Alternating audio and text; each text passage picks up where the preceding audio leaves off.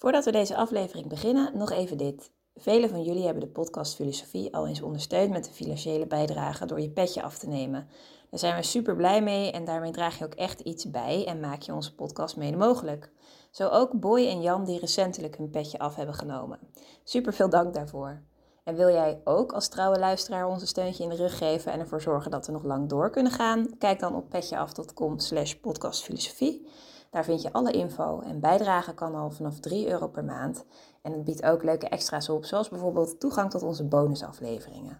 Maar voor nu, veel plezier met deze aflevering. Hebben we tegenwoordig een antwoord op de vraag wat we eigenlijk bedoelen met het woord zijnd? Allerminst. En dus is het zaak de vraag naar de zin van zijn opnieuw te stellen. Zo drukte de Duitse filosoof Martin Heidegger uit dat in de filosofie de vraag naar het zijn vergeten is. Wat leert het hanteren van een hamer ons over hoe we moeten omgaan met zijn? Wat is de keerzijde van onze focus op kijken in plaats van onze andere zintuigen? En wat is het belang van eindigheid? Over deze vragen en nog veel meer gaan we de komende drie kwartier hebben. De gast is Dirk de Schutter, de denker die centraal staat, Heidegger.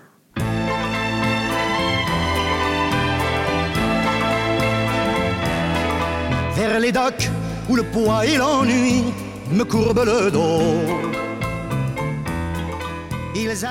Dag, goed dat je weer luistert naar een nieuwe aflevering van de podcast Filosofie van het Centre Erasme, School voor Filosofie in Zuid-Frankrijk, Vlaanderen en Nederland. Mijn naam is Allard Amelink. Het concept van deze podcast is simpel. Er is een hoofdgast, er is een presentator en een sidekick. En in ongeveer 45 minuten duiken we in het denken van één filosoof. Vandaag zit naast mij Kees Vijstra. Ja, eh, leuk. Eh, met uitzicht op, op een tuin in Leuven. Eh, mooi uitzicht. Precies. En we zijn dus inderdaad nog steeds op onze Belgische tournee. Ja, ja. En wij zitten vandaag tegenover Dirk de Schutter. Dirk studeerde literatuurwetenschappen en filosofie aan de Katholieke Universiteit van Leuven en aan de Georgetown University in Washington, D.C. In 1986 promoveerde hij op de, eh, met een proefschrift over Martin Heidegger. En tot zijn emeritaat in 2015 was hij hoogleraar en verbonden aan de Universiteit van Leuven en Antwerpen. En eerder schreef hij het boek over Heidegger en Arendt, het catastrofale essay over de eindigheid. En volgend jaar verschijnt van zijn hand bij Single Uitgeverijen een boek over Heidegger in de reeks Elementaire Deeltjes. En zoals je dan wellicht al vermoedt aan de hand van de, de korte biografie net van, eh, van Dirk de Schutter, gaat het vandaag over Heidegger. En hij is een van de meest invloedrijke denkers van de 20e eeuw. Eh, werd in 1889 geboren in Duitsland en verwierf grote faam als academicus. In 1933 en 34 was hij tien maanden rector aan de Universiteit van Freiburg. En om dat te worden werd hij lid van de NSDAP. Wat altijd voor een sfeer van controverse rondom eh, hem als persoon heeft gezorgd. Over dat deel gaan we ons niet focussen. Wij focussen ons op, ons, op zijn denken. Ehm, dat he- heeft namelijk een enorme impact gehad op de filosofie. En voor de luisteraars die meer afleveringen hebben geluisterd... zullen namelijk weten dat hij ongeveer in, eh denk 90% van onze podcast voorbijgekomen is... als inspiratiebron of alsgene tegen wie werd afgezet... of in ieder geval een monumentale denker in, eh, in de filosofiegeschiedenis. En Dirk, vrij grote vraag, maar wat maakt Heidegger zo'n belangrijke denker... dat hij zo vaak terugkomt? Verschillende dingen. Om te beginnen, Heidegger heeft de filosofie vernieuwd. Zo heeft hij heel snel bekendheid verworven in Duitsland aan de Duitse universiteiten. De eerste universiteit waar hij les gaf was de Universiteit van Marburg, later dus Freiburg. En eh, toen deed er al een gerucht in Duitsland de ronde dat er iemand was die de filosofie vernieuwde, die opnieuw leerde denken. En enkele jongeren, enkele jonge studenten, de jonge generatie, voelden zich aangesproken. Een van hen, Hannah Arendt. Maar ook anderen, bijvoorbeeld Hans Jonas of eh, Hans-Georg Gadamer, die later ook allemaal bekendheid verworven hebben. Hij eh, keek op een nieuwe manier naar de geschiedenis van de filosofie. Hij las met zijn studenten de hele klassieke teksten van Plato en Aristoteles, maar hij bracht die opnieuw tot leven. Hij brak met het academische. Dat was ook een van zijn belangrijke drijfveren. Het, eh, het, het academische verlaten, de universiteit vernieuwen, de filosofie opnieuw leven geven. Hij pikt dus de oude vragen op. En de oudste vraag, de vraag van de filosofie is, je zou kunnen zeggen, de vraag van Aristoteles. Hè. Wat is het zijnde als zijnde? Tito on, hij on. Wat is het zijnde als zijnde? Hij neemt die vraag uh, enorm au sérieux. Hij zegt, we zijn die vraag vergeten. En we moeten die vraag opnieuw leren stellen, opnieuw leren formuleren. Dat is niet alleen belangrijk voor de filosofie, dat is ook belangrijk voor de wereld en voor de cultuur. Er is een oude filosofische vraag die ook al door Aristoteles gesteld wordt. Die gaat Heidegger opnieuw centraal maken in de filosofie. En dat, dat was het beginpunt van zijn vernieuwende project. Dat is het, ja. Op die manier uh, lanceert hij uh, zijn groot project de zijnsvraag. We moeten opnieuw de zijnsvraag leren stellen, want, zoals hij zegt, we leven in zijnsvergetelheid. Dat is het begin van Sein und Zeit. We stellen die vraag niet meer. We begrijpen nauwelijks nog wat die vraag betekent. We kennen nauwelijks nog het belang van die vraag. Hij zal daar altijd opnieuw op terugkomen. Ik denk dat ik daar ook altijd opnieuw zal op terugkomen in de loop van dit gesprek. Maar die enorme vraag, die kolossale vraag, verbindt hij die, meest, die ongelooflijk algemene vraag verbindt hij met het meest particuliere. Want hij gaat onderzoeken naar, hij gaat een onderzoek instellen naar diegene die de vraag stelt. Ja? Om precies om hoogte te krijgen van die vraag, moeten we weten wie die vraag stelt. De mens, die hij dus niet de mens noemt, zoals misschien algemeen geweten is, maar die hij in het Duits das Dasein noemt. Het er zijn wordt het vaak vertaald in het Nederlands. In het Frans wordt er gezegd être là. In het Engels wordt er gezegd der being. Dat is het zijnde dat we zelf zijn, zegt hij. En hij begrijpt dus de mens, laten we dat zijnde maar de mens noemen, hij begrijpt de mens dus vanuit het zijn hij maakt een enorme omgang, dus een enorme omweg, om dus de zijnsvraag te stellen. Om de vraag naar het zijnde als zijnde, de vraag van Plato en Aristoteles, opnieuw te stellen. Maakt hij een enorme omweg langs het zijnde dat die vraag stelt. Dat zijnde is de mens of het er zijn. Die omweg levert een ongelooflijke analyse op van het menselijk bestaan of van de menselijke existentie. Dat is de reden waarom Heidegger ook bij de existentialisten gerekend wordt. Ja? Dat is wat hem uh, in het gezelschap brengt van Karl Jaspers, vriend uit de jaren twintig, iemand met wie hij erg veel omging en met wie hij precies de drang om de filosofie te vernieuwen en om te breken met het academische deelde. Ja? Het zijn altijd vrienden gebleven. Uh, het is afgekoeld, maar toch. Uh, en nadien natuurlijk, dat is ook de reden waarom hij opgepikt is in Frankrijk, eh, onder meer door, door Sartre natuurlijk, en, in, en ook in zekere zin door uh, Levinas. Hè. Levinas, die, wiens eerste geschriften luiden En découvrant l'existence, terwijl we de existentie ontdekken of blootleggen. Of de l'existence à l'existant, van de existentie van naar de existerende. Hm? En is dat, dat, dat, dat is die aanvliegroute van dat particuliere, vanaf dat, vanaf dat redenerende vanuit die mens, is dat ook de fundamentele andere benadering die je toepast dan eigenlijk al die eeuwen ervoor? Of wat? Wel, dat, dat heeft een enorme interesse gewekt uh, voor de menselijke existentie. En dat is op een bepaalde manier toch wel nieuw. Dat hij uh, dat in de filosofie heeft binnengebracht. Uh, een van de grote consequenties daarvan is dat die, uh, de klemtoon die de traditionele filosofie meestal gehad heeft, namelijk de klemtoon op het kentheoretische of op het epistemologische, heeft Heidegger achtergelaten. Daar heeft hij ook weer mee gebroken. Of hij heeft dat kentheoretische, die kentheoretische interesse ingebed in een grote analyse van het menselijk bestaan, van de menselijke existentie. Met andere woorden, wat hij eigenlijk onmiddellijk zegt is: kennen of denken of weten is slechts één modus van de menselijke existentie. En misschien niet eens de meest belangrijke. Ja? Uh, dat is zijn kritiek onder meer op Husserl. De, uh, Heidegger treedt in de voetsporen van Husserl. Hij wordt ook Husserls eerste assistent, vanaf 1916 ongeveer. Uh, kent Husserl vrij vroeg uh, kent de boeken van Husserl vrij vroeg, vooral dan de logische onderzoekingen. En uh, hij ziet daar dat Husserl inderdaad met iets nieuws begint. Namelijk, Husserl lost een eeuwenoud probleem uit de filosofie op. Het probleem van Descartes. Je pense donc je suis. Ik denk dus ik ben. Maar mijn denken is afgesloten van de buitenwereld. Ik stel mij dingen voor, maar hoe weet ik dat aan die voorstellingen echte fenomenen beantwoorden? Het uh, fameuze probleem van het gesloten bewustzijn, of le cogito fermé bij Descartes. Husserl lost dat probleem op, hij lost dat letterlijk op. Namelijk niet door een, uh, niet door een, een, uh, een, antwoord te geven, maar door te zeggen het is een verkeerde vraag. Dus hij lost het op die manier op.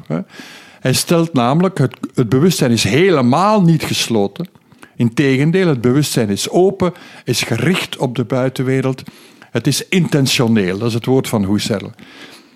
Heidegger neemt dat mee, maar... De openheid van... van de, openheid. de openheid. Wij zijn, ja. wij, het is niet zo dat wij...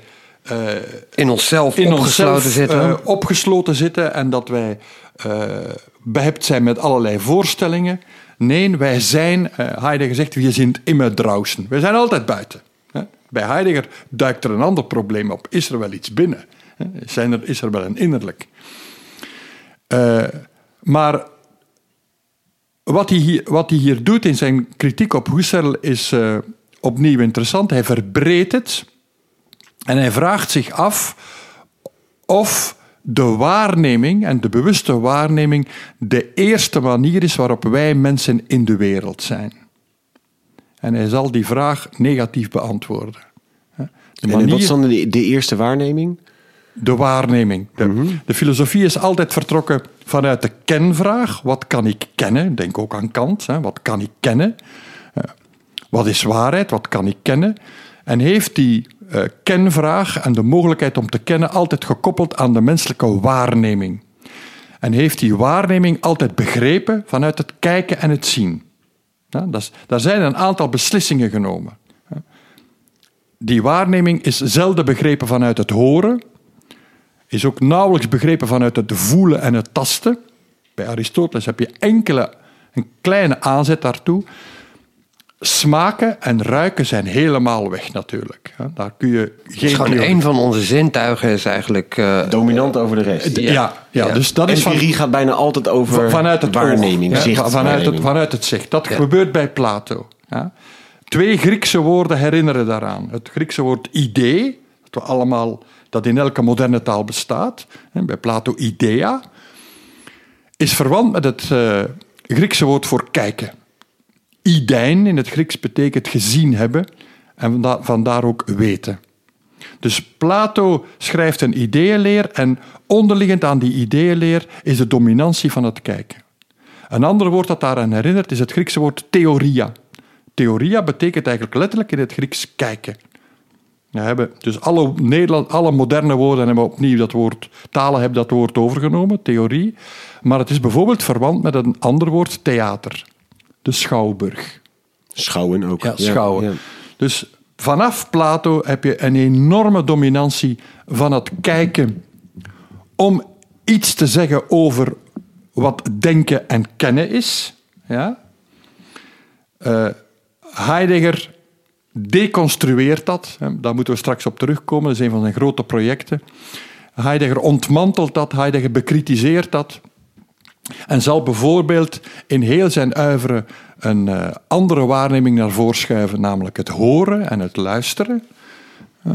Maar wat hij in eerste instantie doet als kritiek op, op Husserl, hij stelt de vraag of inderdaad de visuele waarneming de eerste toegang is van de mens tot de wereld.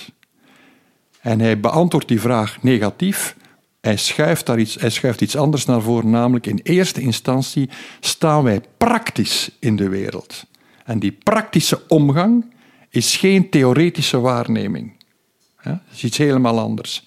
In die praktische omgang verschijnen ook geen objecten aan de mens, maar verschijnen tuigen aan de mens. Ja? En dat is, dat is het, het eigene van Heidegger, dat hij altijd zoekt naar uh, naar de toegankelijkheid van datgene wat gegeven is. Hoe presenteert het zich aan mij? Ja? Hoe presenteert het fenomeen zich aan mij? Zijn fenomenologie, de fenomenologie van Husserl. Hoe presenteert dat fenomeen zich aan mij? En waar hij heel sterk in is, is om te laten zien dat als je geleid wordt door de waarneming, dat het fenomeen zich dan op een andere manier presenteert dan als je vertrekt vanuit de praktische omgang.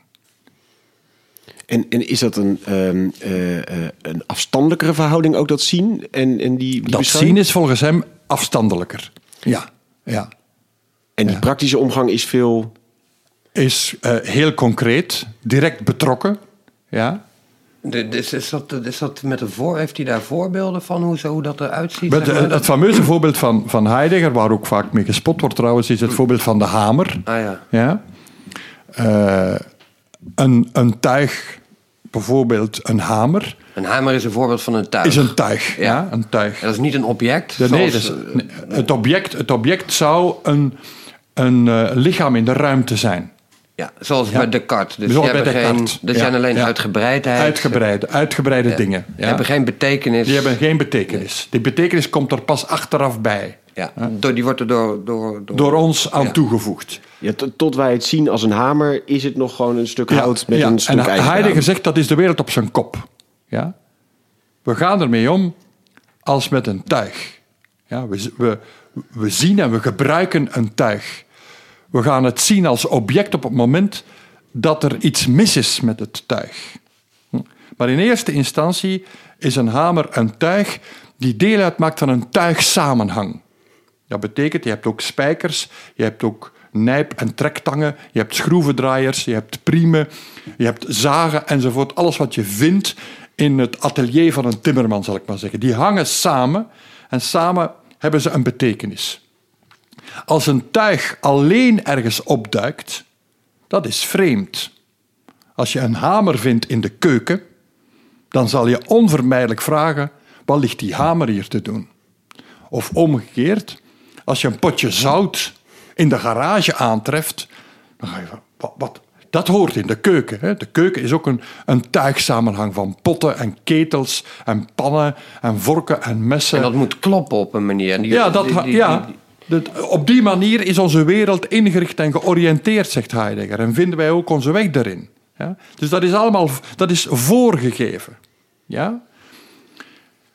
Die hamer die gebruik je. Wanneer ga je naar die hamer kijken? Als je bijvoorbeeld een hamer pakt om een schilderij op te hangen en je gaat ermee kloppen en je denkt, oeh, die, die hamer is te zwaar. Die is niet geschikt voor wat ik nu wil doen. Of hij is te licht. Of je klopt en, en je voelt dat die hamer, uh, dat, dat, dat daar iets mis mee is. Ja? Dan, ga je, dan ga je kijken. Dan neem je de hamer waar als een object.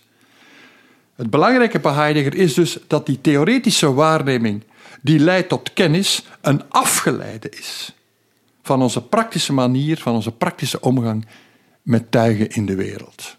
Ja. ja.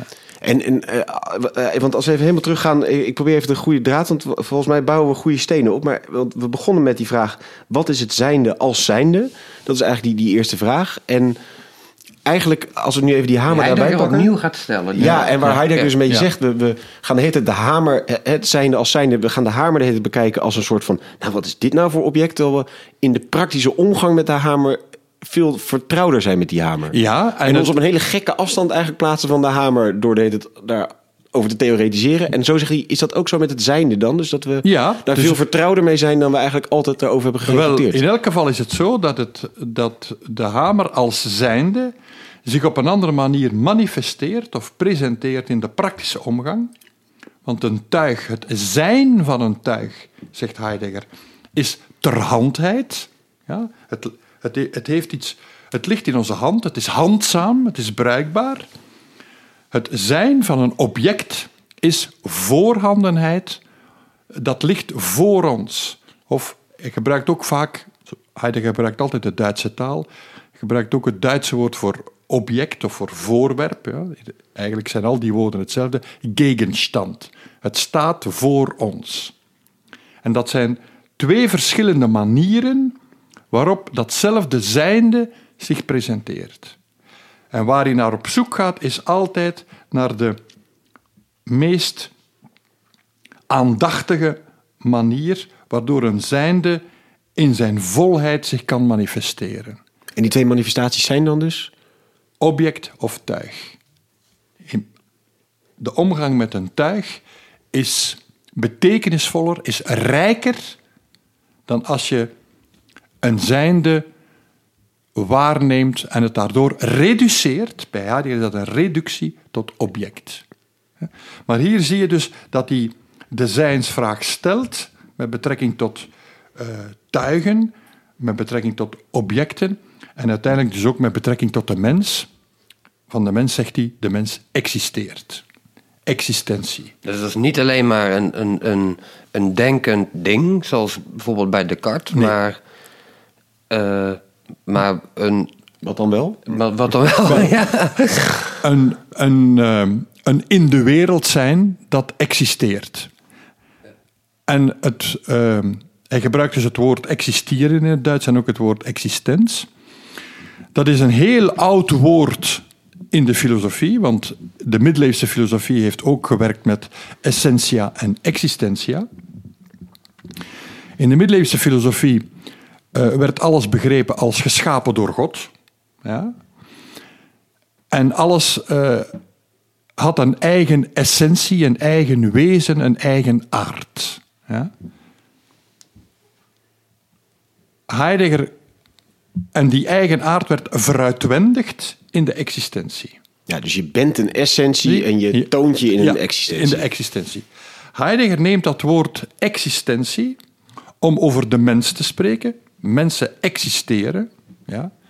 Dieren existeren volgens Heidegger niet. Dieren leven. Het zijn van de dieren is leven. Het zijn van de mens is existeren. Maar die existentie van de mens is zonder essentie. Met andere woorden, wij mensen hebben geen wezen, hebben geen aard die in de existentie veruitwendigd wordt. Het is onze opgave om te existeren. Existentie, de existentie is een opgave die aan elk van ons afzonderlijk gegeven wordt. En hier krijg je dus die hele existentialistische, ja, ik heb het gezegd met aanhalingstekens, ja, existentiefilosofische, zou je kunnen zeggen, uh, inslag van Heidegger, waarbij je dus een hele analyse krijgt van de menselijke existentie als, als opgave. Wij mensen hebben te zijn. We hebben onze existentie te zijn. Maar daar beantwoordt dus geen. In de middeleeuwse filosofie is het zo dat de zijnden verschillen van elkaar omdat ze een verschillende essentie hebben. Ja, precies. Ja. De beuk verschilt van de mens, zal ik maar zeggen, omdat de essentie van de beuk anders is dan de essentie van de mens. Heidegger zegt nee, die zijnden verschillen omdat ze op een verschillende manier zijn. Niet alleen omdat ze een verschillende aard en essentie hebben, maar omdat ze op een verschillende manier zijn. Dat wil zeggen, ze geven op een verschillende manier vorm aan hun wording? Of... Ja, ja, er zijn op een verschillende manier in de wereld. Dus denk opnieuw aan het onderscheid dat hij maakt tussen, tussen mensen en dieren. Hè, waarbij hij zegt van dieren, dieren existeren niet, dieren bestaan niet, dieren leven. Maar want, want wat is, waarom maakt het onderscheid? Hè? Kun je daar wat dieper op ingaan? Wat, wat, waarin ziet hij dat verschil tussen existeren en leven dan? Ik denk dat we dat snel in ons dagelijks taalgebruik door elkaar gebruiken. Dat, ja, ja, dat wordt in ons dagelijks taalgebruik door, door elkaar gebruikt. Zelf zegt hij daarover, we moeten dat later uh, in detail uitwerken. En eigenlijk is hij daar nooit toe gekomen. Wat Simon Sight wel brengt, is een enorme analyse. Zijn eerste gouden hoofdwerk. Ja, ja. Een enorme analyse van de menselijke existentie. Waarbij hij vertrekt van, van twee gedachten, namelijk wij mensen, maar hij spreekt dus over het Dasein. Wij mensen hebben te zijn. Onze existentie is ons opgedragen. En waar het op aankomt in onze existentie is om iemand te worden. Ja? Ten tweede, onze existentie is ons opgedragen dat is het wat we allemaal met elkaar delen. Maar het vreemde van het menselijk lot is dat de existentie aan elk van ons afzonderlijk is opgedragen. Met andere woorden, wat erg pijnlijk is, dat is als ik aan jou zou vragen: hoe gaat het met jou en hoe is het met jouw existentie? Vertel het mij, dan kan ik het ook. Hoe maak je het? Ja? Nou, dat vertel ik je niet, want dan maak jij het ook. Hè? Dus het is ons opgedragen in onze eigen naam. Wij, ik moet er iets mee. Ik moet iets met mijn eigen existentie, die wezenlijk een eindige existentie is. Dat betekent een existentie vol gebreken en onvolmaaktheden. Dat is het eigenlijke van de mens. Elke mens staat voor de opgave om daarmee in het reine te komen. Dat manifesteert zich op de meest acute manier in het sterven. Heidegger heeft het over het zijn zum Tode, het ten dode zijn. Nogmaals, wij zijn allemaal mensen. Wij weten allemaal dat wij op het eind van ons, ons leven doodgaan. Wij weten allemaal dat de dood ons te wachten staat. Dus je zou kunnen zeggen, dat is het algemene lot van de mensheid. Heidegger zegt, dat is juist, maar dat interesseert me niet. Ja, de mensheid is niet interessant. Waar het, waar het op aankomt is hoe ik met mijn eindigheid en met mijn sterfelijkheid omgaan. Maar, maar is, dat niet, is dat niet paradoxaal? Want enerzijds zijn wij als mens dus uh, die, die moeten zorgen voor ons bestaan. Dat is, dat is onze, onze bestaansopdracht. Ja. En, en, anderzijds zegt Heidegger, ja, maar tegelijk is jouw wezen dat je sterfelijk bent. Dat je dus ophoudt. Uh, dat, dat lijkt met elkaar in strijd te zijn. Of... Dat is alleen in strijd als je, als je existentie en sterven als het andere dingen zouden zijn. Ja, als je, als je die uit elkaar neemt natuurlijk. Wat Heidegger zegt, de hele existentie is een zijn zum Tode. Want belangrijk is dat dus die dood waar hij het over heeft, vandaar dat ik het over sterfelijkheid gehad heb en over eindigheid. Het is niet alleen een soort gebeurtenis die ons te wachten staat. Het is een, een, eh, een eindigheid die onze hele existentie doortrekt. Vandaar dat ik het ook gehad heb over de onvolmaaktheden en de gebreken uh, die elk menselijk, elke menselijke existentie tekenen. De tekorten. Ja? Wij zijn allemaal eindige wezens. Wij worden allemaal getekend door een tekort. Daarmee omgaan maakt ons tot wie we zijn. En naarmate we erin slagen om daarmee om te gaan, verwerven we, zoals hij zegt, een eigenlijke existentie. En wanneer slagen we er niet in? Volgens hem slagen we daar voortdurend niet in. Oh, ja, dat, is het. Opgeven. Ja, dat, dat is dus het, het, het, een van de meest kenmerkende dingen. We sluiten daar de ogen voor. We lopen daarvan weg. We willen dat niet geweten hebben. We uh, vinden alle mogelijke trucs uit om daar vooral niet te moeten aan denken en vooral niet te moeten, uh, moeten rekening mee houden. Straks moet ik het daarover hebben, maar de technische cultuur helpt ons daar helemaal niet in. Uh, maar daar gaat het dus over. Dus in ons, ons alledaagse leven, in, in hoe we gewoon alledaags in de wereld zijn, mhm. vergeten we eigenlijk. Vergeten we dat, ja. Wat we Vergeet, eigenlijk zouden. Ja, vergeten we dat en, en lopen we daarvan weg. Dus we denken. En we, en we vullen onze agenda's met alle mogelijke uh, programma's en, uh, en dingen die we moeten doen. Maar ergens ligt ons eigenlijke bestaan op ons te wachten. Heidegger zegt op bepaalde momenten breekt dat door. Ja? We hebben een overvolle agenda. Uh, we stappen s'morgens in onze auto. Uh, we moeten dringend weg, want we moeten naar onze eerste afspraak. Die auto start niet. Ja? Of we hebben een overvolle agenda. We lopen naar beneden, we moeten dringend weg. En, uh, en onze vrouw maakt, of onze man, het doet er niet toe, maakt het op een of andere manier duidelijk. Uh, de laatste tijd is er wel heel weinig tijd voor mij, hè, schat. Plots breekt, breekt er iets binnen. De normaliteit wordt doorbroken. De normaliteit, de routine wordt doorbroken. En op die momenten, en op dat moment, zegt Heidegger, worden we eraan herinnerd dat wij word, word ik eraan herinnerd dat ik zelf mijn eigen existentie draag en daar verantwoordelijk voor ben. En dat ik dat misschien op een andere manier kan en moet invullen. Dan zijn er opnieuw twee mogelijkheden. Ofwel, ik kan daar opnieuw de ogen voor sluiten en daarvan weglopen en zeggen: Ik heb daar geen tijd voor, voor die nonsens, want ik moet dit en dit en dit nog doen. Of ik kan inderdaad zeggen: Waar ben ik mee bezig, zeg? Waar ben ik al die tijd al mee bezig? En dan kom ik op een bepaalde manier tot mijzelf. Dat betekent, dan kom ik tot het inzicht dat ik het ben die mijn eigen existentie draag. In al zijn onvolkomenheid. Want waar komt die existentieopdracht vandaan, zeg maar? Zo? Want we, hebben die, die, die opdracht gekregen, maar waar, waar, waar, waar, komt die vandaan? Of dat, is een, dat is anoniem. Dat is anoniem. Heidegger zegt, we hebben allemaal uh, de ervaring dat we op een of andere manier kunnen slagen of niet slagen in onze existentie. En dat betekent niet noodzakelijkerwijze succesvol zijn op het maatschappelijke gebied, maar wel, zoals hij zegt, iemand worden.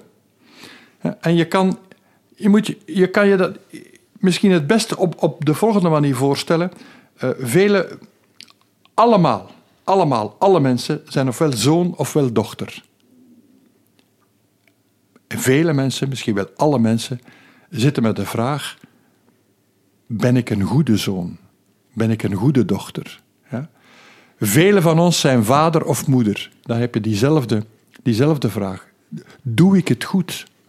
Zijn broer of zus? Je hebt diezelfde vraag.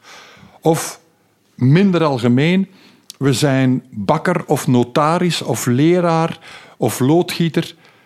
En daar heb je ook die vraag: hoe doe ik het eigenlijk? Hoe, hoe pak ik dat eigenlijk aan? Ja? En, en, we, hebben het, we hebben het gevoel dus, vandaar ook die, die woorden waar hij ook om bekritiseerd is hè, door Adorno hè, in zijn boek Jargon der Eigentlichkeit. We hebben Heidegger gebruikt eigenlijkheid en oneigenlijkheid, omdat hij wil ter sprake brengen dat we onszelf kunnen vinden maar dat we onszelf ook kunnen verliezen in onze existentie. Ja, maar dat, dat verliezen, dat, hè, want als, als ik me verlies in mijn baan, dat is ook zoiets wat je in je, in je spraakgebruik, zo, dat, dat zoiets kun je gebruiken. Dat, daar zou, zouden mensen kunnen denken, ja, maar dat is juist hoe ik eigenlijk, precies, hoe ik eigenlijk leef en hoe ik ook wil leven. En Heidegger zou misschien zeggen, ja, maar dat is juist oneigenlijk. Of, of, of, kun je dat... Het is wel, in zijn algemeenheid kun je dat eigenlijk niet bepalen. Nee, nee. Ieder moet dat voor zichzelf uitmaken. Dus wat eigenlijk en oneigenlijk is, ja. dat is... Ja, het is niet zo dat er een, eh, een, een, een soort uh, algemene, een algemeen model is. Uh, dat moet gevolgd worden op een, op een, om op een eigenlijke manier te existeren. Het enige wat altijd terugkomt bij Heidegger, dat komt ook altijd terug in, bij de late Heidegger, wij zijn sterfelijke wezens. En die sterfelijkheid, daar moeten we leren mee omgaan. Ja? We moeten leren omgaan met de onvolmaaktheden, met de pijn en het lijden dat eigen is aan de menselijke existentie. Je kan dat ook zeer lichamelijk zien, hè? pijn en lijden. Ik kan me daar echt wel iets bij voorstellen. Er zijn mensen die op een zeer waardige manier hun lijden en hun pijn dragen. Er zijn mensen die, die alleen maar jankers zijn. Ja?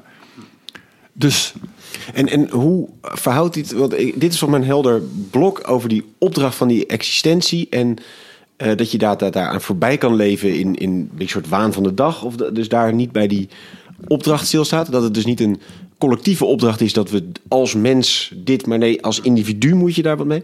Maar hoe verhoudt dit tot dat hamerobject uh, uh, tuigdeel, zeg maar? En het ook het zien en Wel, ten opzichte van de andere zintuigen? Dat, de praktische omgang dat is het alledaagse. Dat is de alledaagse manier van existeren. Ja? Die alledaagse manier van existeren, die wordt op bepaalde momenten doorbroken. En dan onthult zich, zegt Heidegger, de existentie in haar geheel. Wat hier opnieuw nieuw is, ja, omdat we het hadden over de monumentale Heidegger en het vernieuwende van Heidegger. Het nieuwe is hier dat Heidegger uh, dit bij wijze van spreken te weten komt via stemmingen.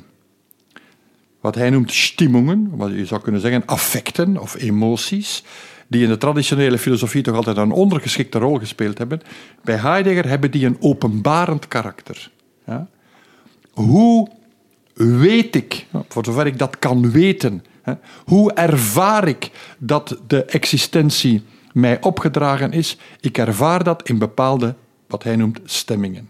De twee stemmingen waar hij aanvankelijk mee werkt in zijn Zeit en uh, de colleges uit die periode zijn enerzijds angst en anderzijds diepe verveling. In de angst wordt mij duidelijk gemaakt dat mijn existentie grondeloos is, in het niets geworpen is, eindig is en dat ik daar de verantwoordelijkheid, de onmogelijke verantwoordelijkheid moet voor dragen, want ze is grondeloos en ik moet als het ware de grond zijn. Ja? Ik moet een grond zijn boven een afgrond. Maar kun je dat vergelijken met zoals bijvoorbeeld de hamer kapot kan gaan en dan opeens de vraag oproept: hey, hoe zit dat wat is het om hamer te wat zijn? Is, wat is het om hamer te zijn? Het kan als het ware mijn bestaan ook soort van kapot gaan. Precies. In de zeker, angst, dat, zeker, waardoor ik weer terug. Zeker. Zeker, het is helemaal daarmee te vergelijken. dus die praktische omgang is onze dagelijkse gang door het bestaan. Ja. En af en toe word je daar dus uitgetrokken. Ja. Ja. ja. ja. Maar en die praktische ook- omgang is dat hij gebruikt het voorbeeld van een hamer, maar je kan natuurlijk je zou een, een hedendaags voorbeeld kunnen gebruiken van een bureau met, eh, met, met, met computerschermen enzovoort. Hè. Dus dat, dat, dat, dat, dat is ook een, een, een betekenisgeheel. Hè. Wat, wat Maar, en, daar... en je zei ook wel daarbij bij die hamer van, dat- dat het, die objectivering ook iets negatiefs in zich heeft. Negatief is, is niet het juiste woord. Het, het is secundair. Het is niet de eerste manier waarop wij... Secundair, vol- ja. Waarop Zoals het altijd wel is geweest. Dus vroeger Ja, dachten ze van ja, het gaat ja. primair Ja, om die ja. hamer als object. Ja, En hij ze nee. Ja, en zo dus ook met de Ja. existentie. Het gaat niet over, ik moet dit eigenlijk de hele dag beschouwen op mijn diepe existentie. Moet dat ook secundair zijn? Of is dat bij de menselijke existentie anders? Is het daar wel goed om dat bovenaan te zetten? Ik kan me niet voorstellen dat Heidegger zou zeggen: je moet de hele dag lopen piekeren over wat nu eigenlijk de menselijke existentie is. Maar wat, wat hij wel zegt is: op bepaalde momenten breekt het door en dan ga je erop in of ga je er niet op in. Hij noemt dat de stem van het geweten trouwens. Ja? Waar je kunt naar luisteren of die je kunt. eh, waar je geen acht kan opslaan, allebei.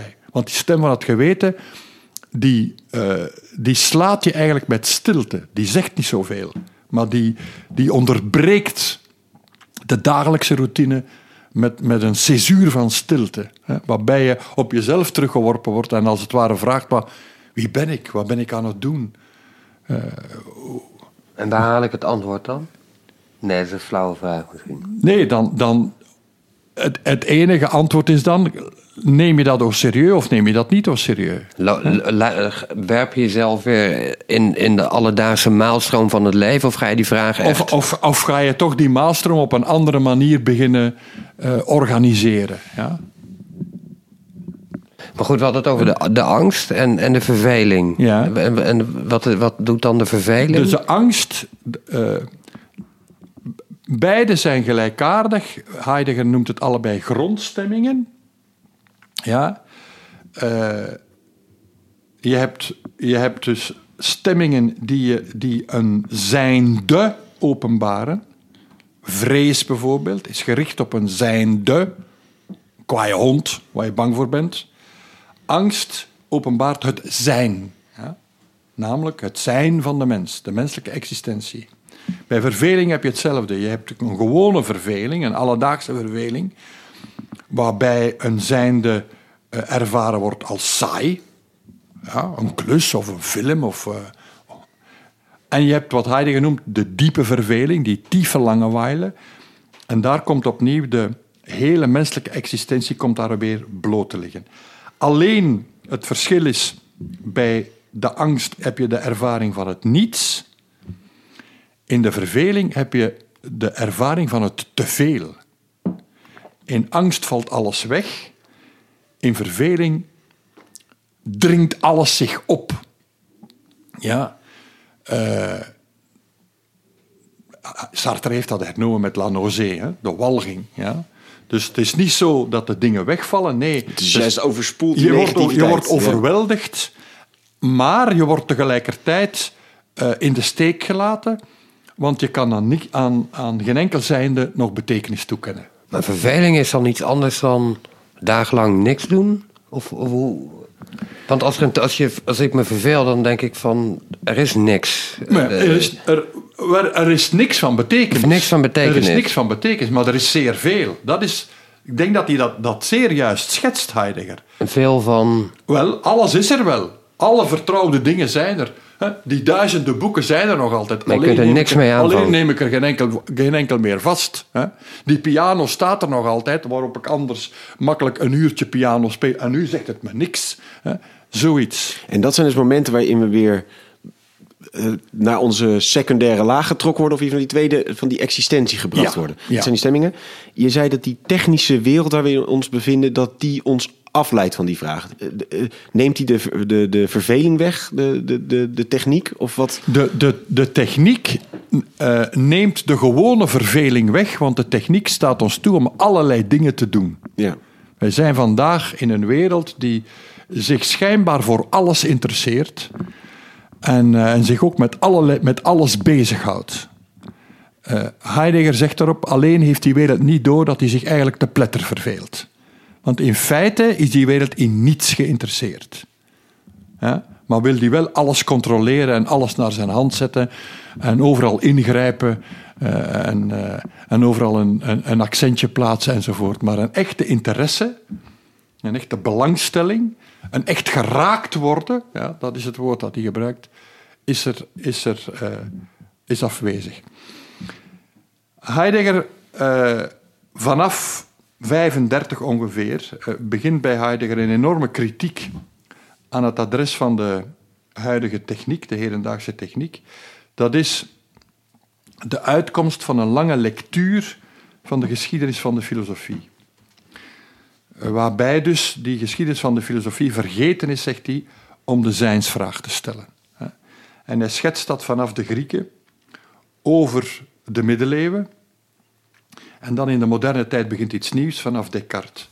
Waarbij eh, de mens zich opwerpt als een bewust subject eh, eh, die alles, die in staat is om alles te objectiveren. En dat objectiveren betekent eigenlijk berekenen. het- Zien, dus eigenlijk ja, op- maar, ja. maar dan de, de waarheid wordt cijfermatig uitgedrukt, enzovoort, enzovoort.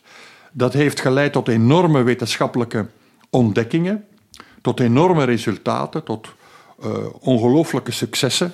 Eh, Heidegger heeft nooit de hedendaagse computer meegemaakt. Hij heeft het begin van de computer meegemaakt. heeft het in zijn late teksten over cybernetica wel. Maar hè, vanaf 35 begint het eigenlijk bij hem. Eh, wat, is, wat is zijn kritiek? Zijn kritiek is dat wij alles, alle zijnden, maar ook alle activiteiten op een technische manier begrijpen. Dat betekent functioneel. Bij alles vragen naar de functionaliteit en naar het nut. Ook bij die activiteiten zou je kunnen zeggen, waarbij het eigenlijk vanzelfsprekend is dat ze niet in st- in eerste instantie nuttig zijn. Wat is het nut van denken? Wat is het nut van lezen? Enzovoort. Wat is het nut van rouwen? Wat is het nut van verdriet hebben? Ja? Als, je met, als je die vragen begint te stellen, dan zit je duidelijk in een, in een eh, technische manier van denken. En Heidegger, vindt, Heidegger hamert er altijd opnieuw op, in de laatste jaren van zijn leven, dat dat een enge manier van denken is. Het is een manier van denken die hij het rekenende denken noemt, maar het is een enge manier van denken. Hè. Als in beperkt. Eng. Eng, eng beperkt, ja, Ja. gereduceerd. Ja. Eh, met andere woorden, wij leven vandaag niet in een geestloze tijd. Wij leven in een tijd waarin geest herleid wordt tot een soort van technisch vernuft. Technische kunde. Ja. Waarin spiritualiteit e- enorm beperkt is. Ja. Eh, en waar hij dus de laatste jaren van, van zijn eh, denkweg, de laatste jaren van, eh, van zijn denken, altijd opnieuw op terugkomt. Hij wil een ander soort van denken voorbereiden. Wat hij noemt het aandenken, of het, eh, of het, of het das bezinnige denken, het zich bezinnen. Ja waarbij eh, waarheid niet begrepen wordt als een soort van eh, correcte weergave in cijfers van wat er gebeurd is, maar waarbij gevraagd wordt naar de, de zin en de betekenis van wat er gebeurt.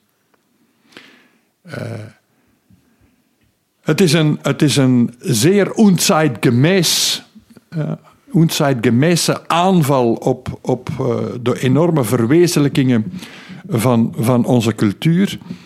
Maar het is een, een uh, aanval die ik in elk geval uh, volledig onderschrijf. Omdat ik denk dat wij inderdaad van elke moeilijkheid in de wereld en in ons persoonlijk, persoonlijke existentie of persoonlijk leven, van elke moeilijkheid een probleem gemaakt hebben. Een probleem dat kan worden onderzocht op een bepaalde technische manier. Een probleem dat ook om een oplossing vraagt. Dat betekent het, de moeilijkheid moet worden weggewerkt.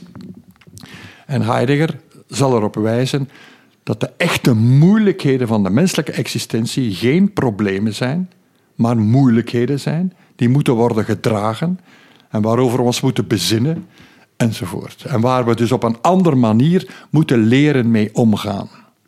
En dat is die sterfelijkheid, denk ik ook. Of Ja, dat is die sterfelijkheid. Wat we ja. nu ook Ja. vandaag de dag eigenlijk ook Ja. allemaal zien als een probleem wat we moeten oplossen. Als we Ja. van die sterfelijkheid Ja. afkomen, dan hebben we eigenlijk onze Ja. laatste problemen Ja. opgelost. En, en dat, dat, dat technische denken, wat hij denkt, dat, dat ziet eigenlijk een uitvloeisel daarvan, eh, ook in de techniek, maar dat is eigenlijk de structuur überhaupt van het westerse denken. Ja. Dat Ja. staat eigenlijk Dat- daaraan aan, aan de ervaring van onze sterfelijkheid in de weg. Ja, ja zo zou je dat is sterk geformuleerd. In elk geval, eh, die technische cultuur helpt ons helemaal niet in wat volgens hem de opgave is van de menselijke existentie, namelijk in het reine komen met de sterfelijkheid, met de eindigheid. Een andere, volgens mij zeer actuele toepassing daarvan is wat we vandaag zien in economie met de milieuvervuiling en de klimaatopwarming. Heidegger heeft het over de eindigheid. Ja? Je zou kunnen zeggen, de analyse, de diagnose die je zou kunnen brengen met betrekking tot de dag van vandaag, is dat de westerse cultuur zich al eeuwenlang opstelt alsof de aarde oneindig is, onuitputtelijk is. Alsof er geen einde komt aan de hulpbronnen. Dus wij hebben, we gedragen op ons, op een heel mateloze manier. De mateloosheid is volgens hem trouwens de fout van de tragische held. Het is misschien ook wel interessant om dat nog even ter sprake te brengen. Heidegger, die zo verliefd was op de Grieken, zal ik maar zeggen. Hm? En wat, waar gaat de tragische held, waar gaat Oedipus in de fout? Hij overdrijft. Hij kan niet stoppen. Hij, eh, de mateloosheid. Dankjewel, Dirk. Eh, eh, complexe materie, maar ook heel fundamenteel. Dat, dat proef je denk ik aan alles. Ehm, we begonnen eigenlijk met dat Heidegger opnieuw de oude vraag afstoft... die altijd al in de filosofie speelde, namelijk van... wat is het zijnde als zijnde? Hij stelt opnieuw die vraag. En hij zegt dat de klemtoon lag altijd op de kentheorie. En altijd op het, hij koppelt daar het, het zintuigelijke zien aan. Dat daar ook het woorden idee en theorie van afgeleid zijn. En dat dat altijd op een soort afstand geplaatst is. En dat altijd begon met de beschouwing op een afstand. Terwijl wat Heidegger zegt, eigenlijk moet je het omdraaien. Onze eerste ervaring met alle dingen en het zijn is in een praktische omgang. In, zoals je een hamer gewoon gebruikt als een hamer, zo is het leven ook een leven wat gaat. En eigenlijk op die manier als eerste begrepen wordt. En tegelijkertijd zijn er momenten van bezinning nodig, van inbreuk nodig om je de ware vragen te stellen over bijvoorbeeld de menselijke existentie. Waartoe ben ik? Of wat, wat, hoe existeer ik? Hoe kan ik leven? En die vragen kunnen inbreken. Ehm, door middel van bijvoorbeeld van stemmingen. Eh, angst ging het over. Het ging over verveling. Die kunnen zich richten op hele praktische zijnde, op een saaie film. Eh, maar kunnen zich ook richten op dus een angst voor fundamentele dingen. En eh, op het moment dat die dingen eigenlijk inbreken, dan worden bij onze fundamentele existentievraag gedropt bij de, de, de opgave die ons gesteld is. En daarin is die sterfelijkheid een belangrijk ding, dat het namelijk, we zijn eindig. En dat moeten we niet als een ding wat te overkomen is of als een probleem zien, maar is een inherent onderdeel van onze opdracht om te existeren, is dat het ook eindig en sterfelijk is. En de technische wereld heeft nu een beetje als neiging om ons een beetje eigenlijk uit die fundamentele vraag te houden. eh, en ons gewoon puur in de dagelijkse omgang te houden. En tegelijkertijd moeten we dus, is het probleem van de filosofie geweest ergens dat die altijd alleen maar in de conceptuele vraag is geschoten. En we dus bijvoorbeeld de andere zintuigen van het tasten en het voelen en het ruiken, het veel nabijeren, ook vergeten zijn. En dat is eigenlijk de grote omkering die hij maakt. Beginnen bij de menselijke maat en dan naar de grote eh, zijnsvraag redeneren. En tegelijkertijd is een opdracht aan ons allen om de grote existentievraag voor onszelf te stellen. Hartelijk dank Dirk voor een zeer interessant verhaal. Dankjewel. gedaan. Dankjewel Kees. Uh, dit uh, was een, uh, een, denk ik een, een taaie aflevering, maar wel echt een ontzettend interessante. En volgens mij hebben een hoop mensen ook een plezier gedaan door eindelijk Heidegger op te pakken. En ik denk dat we goed hebben aangevoeld waarom het zo'n fundamentele denker is en waarom die zo vaak teruggekomen is in andere afleveringen. jij dank voor het luisteren. Waardeer je ons, abonneer je vooral op onze podcast. Uh, geef positieve beoordeling als je het uh, inderdaad ons waardeert. En geef ons ook vooral suggesties. deze vraag van Heidegger we bijvoorbeeld van iemand gekregen. Kun je daar alsjeblieft een keer podcast over maken? Heb je een verzoek? Laat het ons vooral weten. We gaan er graag mee aan de slag.